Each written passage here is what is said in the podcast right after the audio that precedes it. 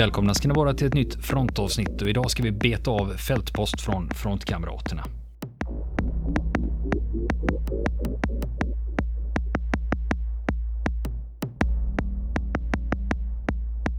Ja du Niklas, vi har ju en del eh, lyssnare har det ju visat sig. Och det har kommit in massor med fältpost. Från bägge lyssnarna. Från bägge lyssnarna. Nej. Nej, det... Båda två har mejlat. Ja.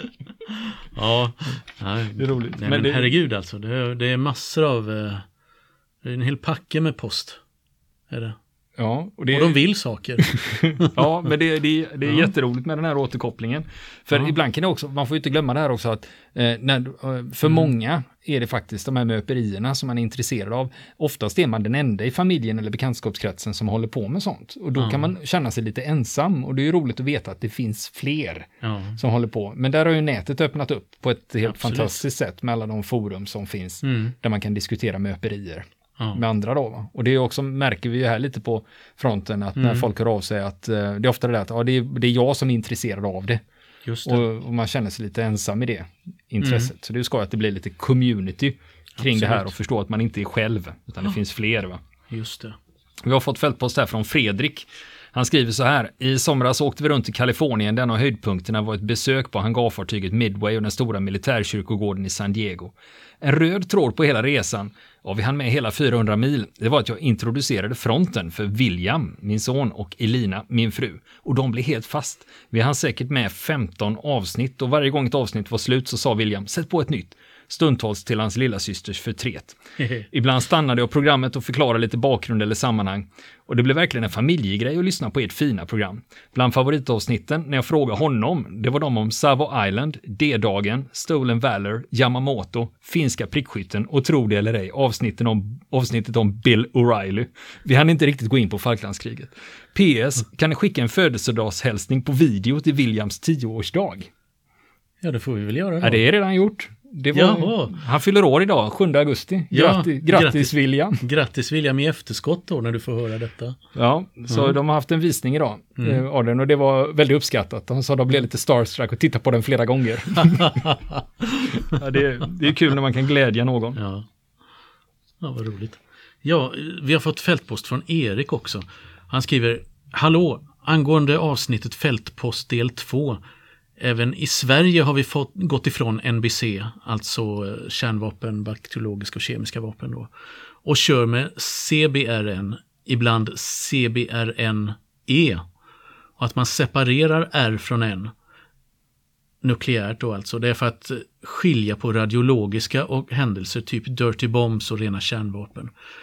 Och det finns även begreppet TIC slash TIM för Toxic Industrial Chemicals Materials som används till exempel när ett stridsfält eller missionsområde inbegriper en farlig industri eller liknande. Mm. Nej, för vi drog ju till med det vi sa, vad, det, vad det nu heter, ABC eller NBC. Mm. Ja, Men det visar ju sig just det, CBRN. Det är ju den, eh, det är den moderna den moderna beteckningen Det är vi kallar krigsveteraner som... Ja, precis. Håller på med våra föråldrade terminologi. ja. Ja. Men det är bra att vi fick rätt ut det. Tack ska du ha Erik. Tack för det. Ja, det är roligt också att eh, det är alla möjliga som lyssnar på fronten. Här har vi fått mejl från en riksdagsledamot. Eh, Det är ju valtider så jag vill inte Ja. peka ut något särskild kandidat eller parti som lyssnar på fronten. Men han frågar så här, ja det är en han, så mycket kan jag erkänna. Att, har ni planerat att göra något kring svensk försvarsplanering under kalla kriget? Här finns mycket spännande. Inte bara det rent militära utan även civilförsvaret, uppbyggnaden och skyddsrum och även planerna för hur riksdag och regering skulle kunna verka under krigstid. Annars kan jag tipsa om museet i Moskva för det stora fosterländska kriget. Storslaget och skrämmande samtidigt. Ni kanske redan varit där? Har du varit i Moskva på krigsmuseet? Nej, jag har inte varit på krigsmuseet i Moskva än. Nej. Har jag inte, men jag hoppas få åka dit och till Kubinka också, det stora pansarmuseet utanför. Det står på att göra-listan. Mm. Göra. Ganska högt upp dessutom. Ja, men om, Mhm. om vi går tillbaka till det föregående ämnet som Ja. riksdagsledamoten eh, Mm. pratade om Svensk här. försvarsplanering. Det Ja. är ju jättespännande. Ja, och, och vi ser Ja. ju fortfarande eh, spåren av det i Absolut. svenska samhället och speciellt nu så som situationen är nu när man skickar ut om kriget eller krisen kommer och liksom att man ska börja med Precis. värnplikten igen så man liksom börjar skruva upp det där igen. Och det är självklart intressant. Jag vet om att Melke Bäcke på mediebruket, han gör ju grejer för SVT och sånt. Precis. Och han älskar ju sådana här grejer. Han, han har ju faktiskt producerat ganska mycket om eh, Och via, SMB, bokklubben, har det ju kommit ut eh, ett eh, antal böcker som handlar om eh, kalla kriget och svensk försvarsplanering som vi ska nog titta lite närmare på framöver. Ja, och sen har du det förlaget också, Fort och Bunker. Ja, som skriver om sådana här saker. Mm. Så det vill man lära sig och det som är intressant det är att det här gällde ju hela Sverige. Så där är ju ett tips att börja leta i ert direkta närområde för överallt i Sverige finns det rester Mm. av det här. Antingen intakt eller eh, tillbommat eller någonting. Mm. Så, att, så bara man börjar kolla vad är det som finns i mitt direkta närområde så brukar man kunna hitta någonting. Mm, just det. Och så har vi fått fältpost från Mattias som skriver Hej, ska åka till Warszawa. Har du och Niklas några tips med vänlig hälsning, Mattias? Och ja, några tips det har vi. Eh, bland annat då så finns det ju ett väldigt fint museum om upproret 1944. Det är faktiskt ett måste. Vågar du uttala det på polska? Eh, jag ska försöka. Uh, Museum Powstania Warszawskiego. Och det ligger på en gata som heter Grzybowa 79. Men det, det kan man alltså lätt googla sig fram till det här. Eh, vad eh, kallas museet. det? Är, det museet om upproret 44 eller heter det, Det upprorsmuseet? eller Ja, vad? Mm, ja, det är alltså eh, eh, museet om Warszawaupproret. bety- Heter det på polska då. Eh, om man direkt översätter det. Och det är att rekommendera. Det finns väldigt mycket fin bakgrund där kring det här. Mycket bilddokumentation, mycket krigsmateriel från kriget. Och, och sen finns det ju också massor av minnesplatser runt om i Warszawa. För Warszawaupproret och även för det upp, andra upproret som många svenskar blandar ihop med Warszawaupproret, nämligen gettoupproret 1943.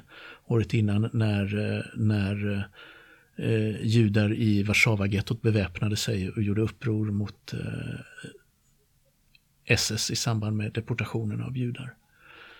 För bägge de här upproren så finns det massor av minnesplatser att studera runt om i Warszawa. Så där kan man rekommendera att läs på innan, skaffa bra kartor. Och så kan man ha en oerhört givande stadspromenad. För du har även tipsat om polska krigsmuseet. Mm, just det. Det polska krigsmuseet är också väldigt bra då i, i, i Warszawa. Då. Det är Museum, Museum Wojska Polskiego. Kan också rekommenderas. Där finns väldigt mycket krigsmateriel från andra världskriget och från då framförallt kalla kriget. Eh, så är man intresserad av den delen av, av, av historien då så, eh, så är det väldigt trevligt besök. Skulle jag säga. Eh, lite dåligt textat på engelska men är man intresserad och har läst på så har man stort utbyte av det skulle jag säga. Mm. Och så har du även nämnt Gestapo-museet också. Ja, just det. Just det. Det finns ett tredje museum också som eh, man skulle kunna rekommendera på rak arm och det är det så kallade Gestapo-museet som är inrymt i en av de få byggnader som stod kvar i Warszawa efter, efter förstörelsen i slutet av andra världskriget och det var den byggnaden där Gestapo huserade.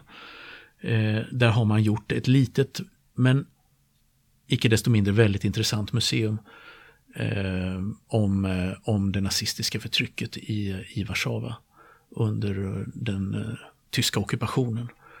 Och ja, kan rekommenderas varmt. Men jag vet ju om att du gillar ju att röra dig i Polen också. Som land. Ja, det är ett jättespännande land om man är intresserad av historia och väldigt trevligt land att turista i. Är det. Eh, och eh, det, det finns ju hur mycket som helst. Både, vi talar om polsk historia, vi talar om gammal tysk historia också eftersom en del av, del av nuvarande Polen tidigare var tysk. Eh, tillhörde Tyskland före andra världskriget. Och eh, det finns mycket att se, mycket att ta reda på. Ehm, eh, och från medeltida historia och framåt. Är man intresserad av riddartiden så har vi det stora, eh, stora slottet Marienburg utanför dagens, en bit ifrån dagens eh, Gdansk eh, som var högkvarteret för tyska orden, alltså den här riddarorden som eh, tog, eh, tog över och kristnade eh, en stor del av Östersjökusten ända upp till Finska viken. De nuvarande baltstaterna, bland annat. Mm. Det finns mycket att titta på där. Vi kan återkomma med lite mer detaljer för det finns många museer också runt om på andra ställen i Polen som är värda, värda ett besök. I Poznan exempelvis. Ja, vi får nästan ta en Polen-special, för Just nu gällde det uttryckligen Warszawa. Ja, Så exakt. att, eh, Vi får nog begränsa oss där. Jajamän. Vi har fått eh, fältpost från en annan frontkamrat här och den är lite mer direkt på, lite mer pang på rödbetan. Göteborg. Jag ska dit snart. Vad finns det att titta på där om man är militärhistoriskt intresserad? Och på rak arm tänker jag ju då på maritiman. Eh, när det gäller, eh, man har ju Jagaren Småland och så en ubåt liggande där. Mm. Bland annat. Och sen har vi Eroseum ute på gamla F9 Säve. Som var Absolut. flygflottilj fram till 1969. Och i deras bergrum där nere, med deras berghangarer, där ligger ju Eroseum då. Men lite, man har fokuserat lite mer åt upplevelsehållet, men man har ju kärror stående där. Va? Mm. Så det är värt att titta på om man är flygintresserad. Sen har du Oscar II fort. Det är ju Mm. byggt i början på 1900-talet. Och eh, det ligger ut eh, vid Käringberget utåt eh, Långedragshållet. De Mm. har vissa öppettider. Det är ju inte så, det är inte så där att det är öppet 8 till 5 varje dag. Utan de har vissa Mm. besöksdagar och då kan man bara googla på det. Ska man då hitta vilka datum det är, det. När, det är när det är öppet, när man kan besöka det. Just det. Och sen har vi, eh, Göteborg har ju inte sådär gigantiskt mycket. Men vi har också, sen har man ju det som heter eh, Göteborgs garnison, alltså Försvarsmedicinskt centrum. Mm. Det som förr hette AM4 och KA4. Just det. Och där har man något som heter Traditionsrummet. Och det ligger inne på Göteborgs garnison. Och det kan man faktiskt besöka. Det är en kamratförening som håller det där. Och då kan man, men det krävs en förbokning då. Så det är inte bara att åka dit och banka på eh, just det. banka på vaktkuren och säga släpp in mig för fan. utan, Ja, utan eh, För då kommer man inte in. Ja. Nej. Och har ni, har ni egna tips på Göteborg? Och nu pratar jag liksom ganska modernt. Jag menar, vill Ja. man gå tillbaka till 1600-tal så har vi Skansen, Lejonet, Skansen, Kronan. Ja, och, precis. Och nya Älvsborgs fästning också. Är ju, är ju värt ett, en båttur. eh, För att titta på. Eh, Som det, där var ju strider i början av 1700-talet. Och sen har vi ju närområdet också. Jag menar varför inte titta på Marstrand. Karlsten, Mm. Karlstens fästning. Just det. Mm. Det är ju bara en kort biltur från Göteborg. Om man råkar ha bil. Ja. Men sen som vanligt så är det ju så att alla är ju bra på sina egna eh, lokala områden och vet Mm. vad som är sevärt och inte. Så eh, skicka gärna in på vår Facebook-sida eller mejla oss på frontenpodcast.gmail.com när det gäller just eh, tips eh, framförallt. Mm. Så lägger vi ut dem. Ja, precis. Så det är ju, det är ju ingenting, det är inte dumt att dela med sig av det.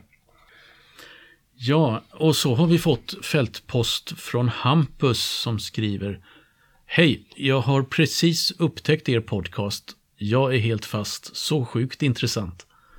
Eh, skulle gärna höra er prata om The Rape of Nanking. Eh, våldtäkterna i Nanjing alltså. Som ni säkert har hört talas om. Själva händelserna där, vad som hände. Varför och lite så. Tack för en grym podd. Ja, alltså det, det här var ju en del av, eh, av eh, den japanska krigföringen i Kina på 1930-talet. Och en av de allra gruvligaste kapitlen av den.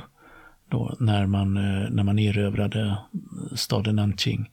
Och eh, gick fram med ja, brand, död och våldtäkter. Och halshuggningar. Och halshuggningar och så vidare. Ju, Så att eh, det ska vi definitivt ta till oss och eh, utveckla lite mer. ja, för det jag funderar på när man tittar på hur de betedde sig där, hur japanerna betedde sig mot den kinesiska civilbefolkningen, det är ju liksom, för jag tänkte så här, vi håller ju på med militärhistoria, det här är ju nästan kriminologi.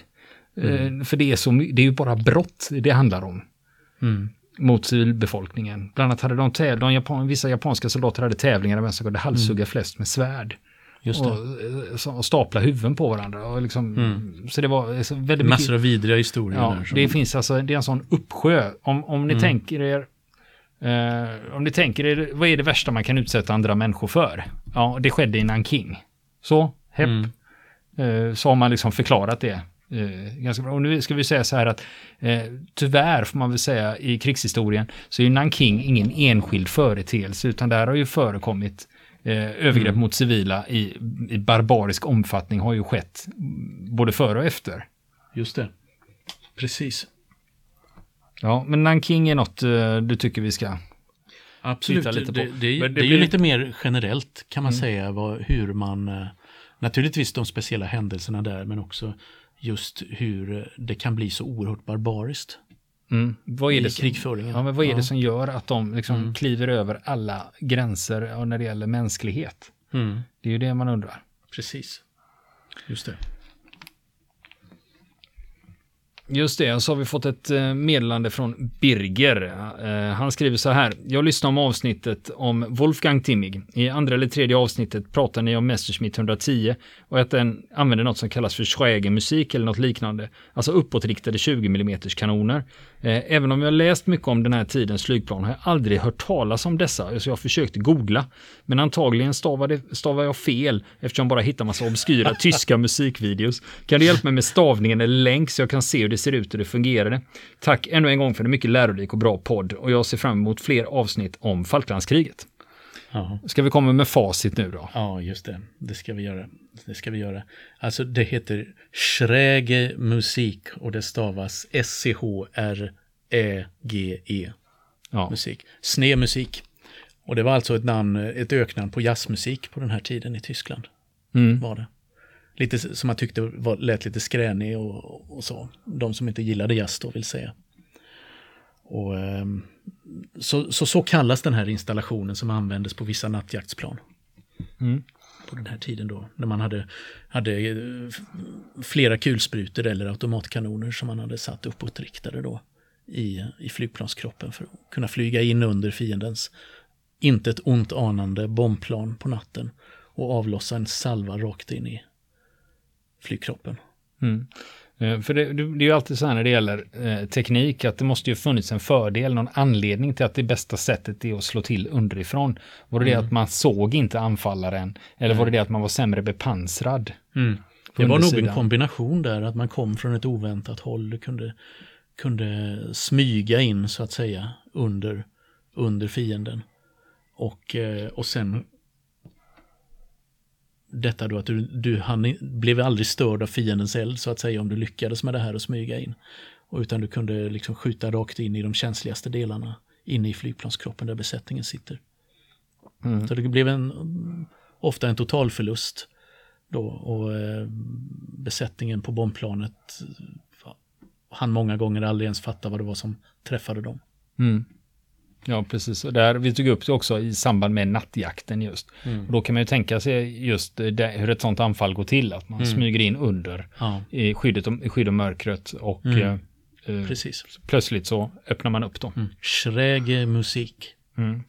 Eh, Birger fortsätter också. Jag gissar att jag inte är den första att önska detta, men skulle inte ni kunna göra ett avsnitt om era egna militära erfarenheter och hur ni blir intresserade av militärhistoria? Diskutera och problematisera gärna intresset utifrån fördomar och förutfattade meningar om ämnet. Tack än en gång för en utmärkt podd. Hälsa Birger. Ja, och då är det ju frågan, hur många Ja. timmar ska vi lägga? Liksom? Ja, precis. Men vi kan sätta ett tidtagarur sådär att man tar en halvtimme och så kan vi berätta lite kort. Visst, det, Ja. fin- det finns faktiskt en del roliga historier att berätta om eh, Ja, upprinnelsen till det här. jo, det gör det. det, är ju sant. Eh, Och samtidigt så, Eh, Men eh, nu är det ju så här att om man då tittar på de här, eh, ofta letar vi efter bra historier och Mm. återberätta och inom militärhistorien finns det ju mängder med dramatiska händelser som är intressanta på ett eller annat sätt. Mm. Och när man sätter sina egna erfarenheter i... då blir de ganska bleka. Blir- De erfarenheterna blir ganska bleka. Och då sa Fänriken att... Nej, det liksom... Nej, det, det blir liksom... Ja, Det blir inte så... Det smäller inte så högt va, om man jämför med vad andra människor har upplevt. Va? nej visst. Mm. Men men, Ja, vi, vi utesluter det inte säger Nej. vi, utan eh, det kan komma framöver. Ja, En kul idé. Ja, och just det, han, han har ändå en fördjupningsidé där att man diskuterar och problematiserar intresset utifrån fördomar och förutfattade meningar. Ja. Och det är ju... Det är ett intressant snack. det. Ger ju en annan vinkel på det som man skulle Ja, kunna eh, absolut. fördjupa sig i då. Absolut. Mm. Ja, då har vi fått eh, fältpost ifrån Joakim som skriver Tack för alla spännande och intressanta program, bästa podden. Eh, jag lyssnade på avsnittet om varglyan och om luftvärnstornet i Berlin och började fundera. Jag arbetar som betongare och funderar på vem som ledde och byggde allt som nazisterna byggde upp. Det gick ju sjukt snabbt för dem att bygga alla dessa bunkrar och försvarslinjer och så vidare och det mesta var ju i betong. Ja, man, ska man kan ju säga det att ville man tjäna pengar eh, under kriget i Tyskland så skulle du äga en betongfabrik. Det kan man nog säga. Mm. Med tanke på all betong som man kunde sälja till armén. Ja, för jag tänker också när du tar ett land och ställer mm. om det till krigsproduktion ja. och fokuserar all kraft. För Tyskland var ju ett industrialiserat land. Och det är ju klart att man, eh, om man gör det och liksom nu ska vi ägna oss åt det här. Mm. Och den som var ytterst ansvarig får vi säga var Albert Speer som mm. var rustningsminister. Precis. Ja, Albert Speer, ja, han var ytterst ansvarig för de flesta av de här byggena som rustningsminister och ledare för en, en arbetsstyrka som hette Organisation TÅT efter hans företrädare som rustningsminister. Det har inte med död att göra alltså? Nej, nej. T-O-D-T. Inte, inte TOD eh, är död, men Tot hette han. Och, eh, och eh, en ingenjör då som hade dött i en flygolycka i början av 1942 därefter så efterträddes han av Albert Speer. Men den här arbetsstyrkan som bestod av hundratusentals man behöll hans namn. Och de byggde broar, de byggde vägar, de byggde bunkrar, de var insatta i bygga Atlantvallen, de byggde ubåtsbunkrar, var inblandade i byggandet av luftvärnstornen i Berlin också. Eh, och klart, Speer kunde inte vara på plats överallt för det här utan man hade lokala projektledare överallt som skötte det här. Arkitekter och byggmästare och eh, eh, ingenjörsofficerare som, var, som utvecklade allt det här. Eh, och när det gäller bunkrarna kan man ju säga som en intressant detalj för de som är intresserade av bunkrarna i exempelvis Atlantvallen att eh, de, det fanns, de flesta av dem där var ett slags standardbunkrar. Som olika, man hade ett visst urval av olika bunkrar, standardmodeller. Och de byggde man i olika kombinationer. Eh, så att eh, det fanns färdiga, färdiga ritningar så att säga, så att man behövde inte uppfinna hjulet eller bunkern då i det här fallet varje gång.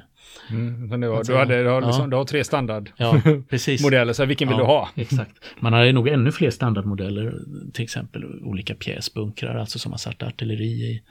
Man hade, man hade observationsbunkrar som du ledde elden ifrån. Du hade manskapsbunkrar där, eh, som var logement och du hade förrådsbunkrar och så vidare och så vidare. Det fanns en uppsjö av sådana här olika då, modeller då, som man kombinerade på olika sätt.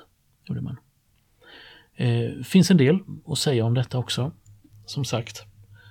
Man kan ju dessutom se skillnad, för det var olika organisationer ibland och som konkurrerade med varandra, olika vapengrenar som byggde olika bunkrar. Också kan man se speciellt i Atlantvallen. Där, eh, där det finns bunkrar i kustförsvaret som är byggda av armén och sådana som är byggda av kustartilleriet som tillhörde flottan. Och eh, generellt sett så kan man säga att de som byggdes av eh, flottan då, de är färre till antalet. Därför att de var väldigt välbyggda, väldigt noggrant byggda. Man hade, var väldigt eh, noga med designen på dem. Och eh, medan arméns bunkrar, det var lite hipp som happ. Och man kan säga en snabb tumregel. Runda kanter, kustartilleriets bunkrar, skarpa kanter, arméns bunkrar. Mm. Långa och korta bar. Ja, men det är också bra att veta, för om ja. man befinner sig där, då kan man ju peka ut och säga, ja. typiskt flottan. Ja, lite så. typiskt kustartilleriet och låta så. som världens expert. Ja, också. exakt. Exakt. Mm. Men det låter nästan mm. lite som Joakim är lite avundsjuk på hur de lyckades smälla upp så mycket betong på så kort tid. Ja, visst. lite så, kanske.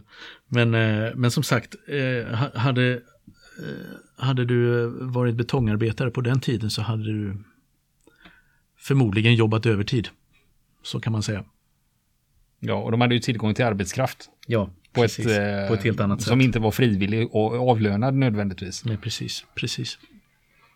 Och så har vi fått eh, fältpost från Joakim. Han skriver så här, är på Kreta. Jag sprang på en tysk kyrkogård eh, och blev intresserad av Operation Mercury. Önskemål från en trogen lyssnare.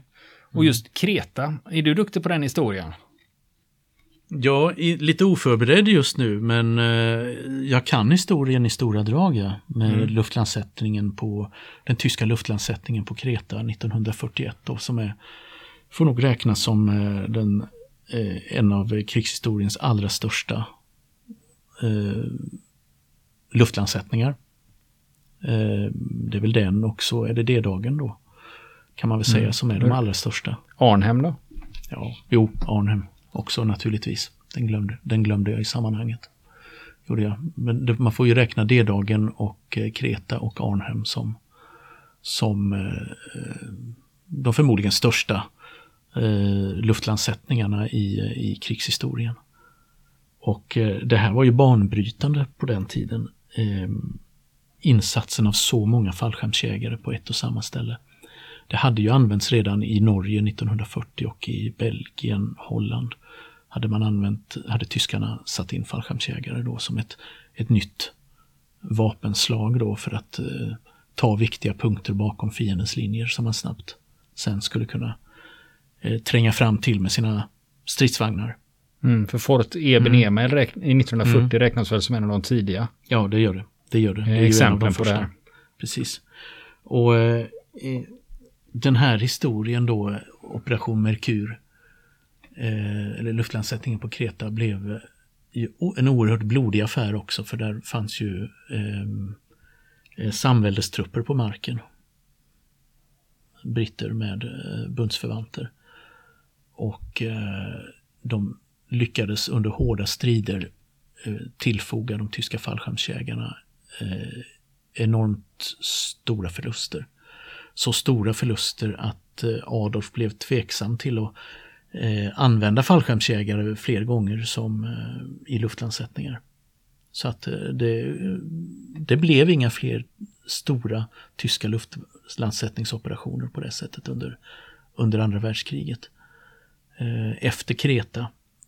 Man fortsatte att utbilda fallskärmsjägardivisioner men de sattes in som infanteri i stor utsträckning och kännetecknades. De hade egna gradbeteckningar eller egna, egna vapenslagstecken och annorlunda hjälmar jämfört med, eh, med de eh, reguljära infanteriförbanden då. Men, men de användes inte som fallskärmsjägare på det sättet. Mm. Men de hade ju hög status. De hade hög status som eh, naturligtvis som elit, elitförband då. Även om det där urvattnades ju längre kriget led och ju större förlusterna blev. Och man var tvungen att fylla luckorna. Eh, men eh, de fortsatte att be, betraktas som elitinfanteri i sammanhanget. Det gjorde de. För om man tittar på andra länders Mm. fallskärmstrupper så har man ofta använt eh, tyska fallskärmsjägare som eh, förebild. Mm. Ja. Att de var en föregångare det. på det här området. Ja, precis. Även när ryssarna var väl ännu tidigare. Ryssarna var ännu tidigare med sina, sina försök och man använde också Ryssarna använde, gjorde en, en stor luftlandsättningsoperation eh, i början av eh, den tyska invasionen eh, av Sovjetunionen där, som blev eh, väldigt misslyckad. Då det, gick, det mesta gick åt skogen och, eh, och de blev fångar eller stupade, de flesta som deltog i den där, i den där operationen. Eh, men, men Kreta är ett, skulle jag vill, faktiskt vilja återkomma till och göra ett separat, separat avsnitt om. För att det finns en del spännande att, att snacka om. När det, gäller, när det gäller de erfarenheter som gjordes i Mm. den. Jag tror inte att någon skulle säga emot dig. Nej. jag tror det är ett önskemål. Helt ointressant. Ja, precis. Nej, tvärtom. Superintressant. Och nästa vecka fortsätter vi att beta av fältpost från frontkamraterna. Vill ni komma i kontakt med oss så kan ni göra det via vår Facebook-sida som heter Fronten. Det är inga problem för er att leta er fram där. Eller också så mejlar ni på vår mejladress och det är frontenpodcast@gmail.com.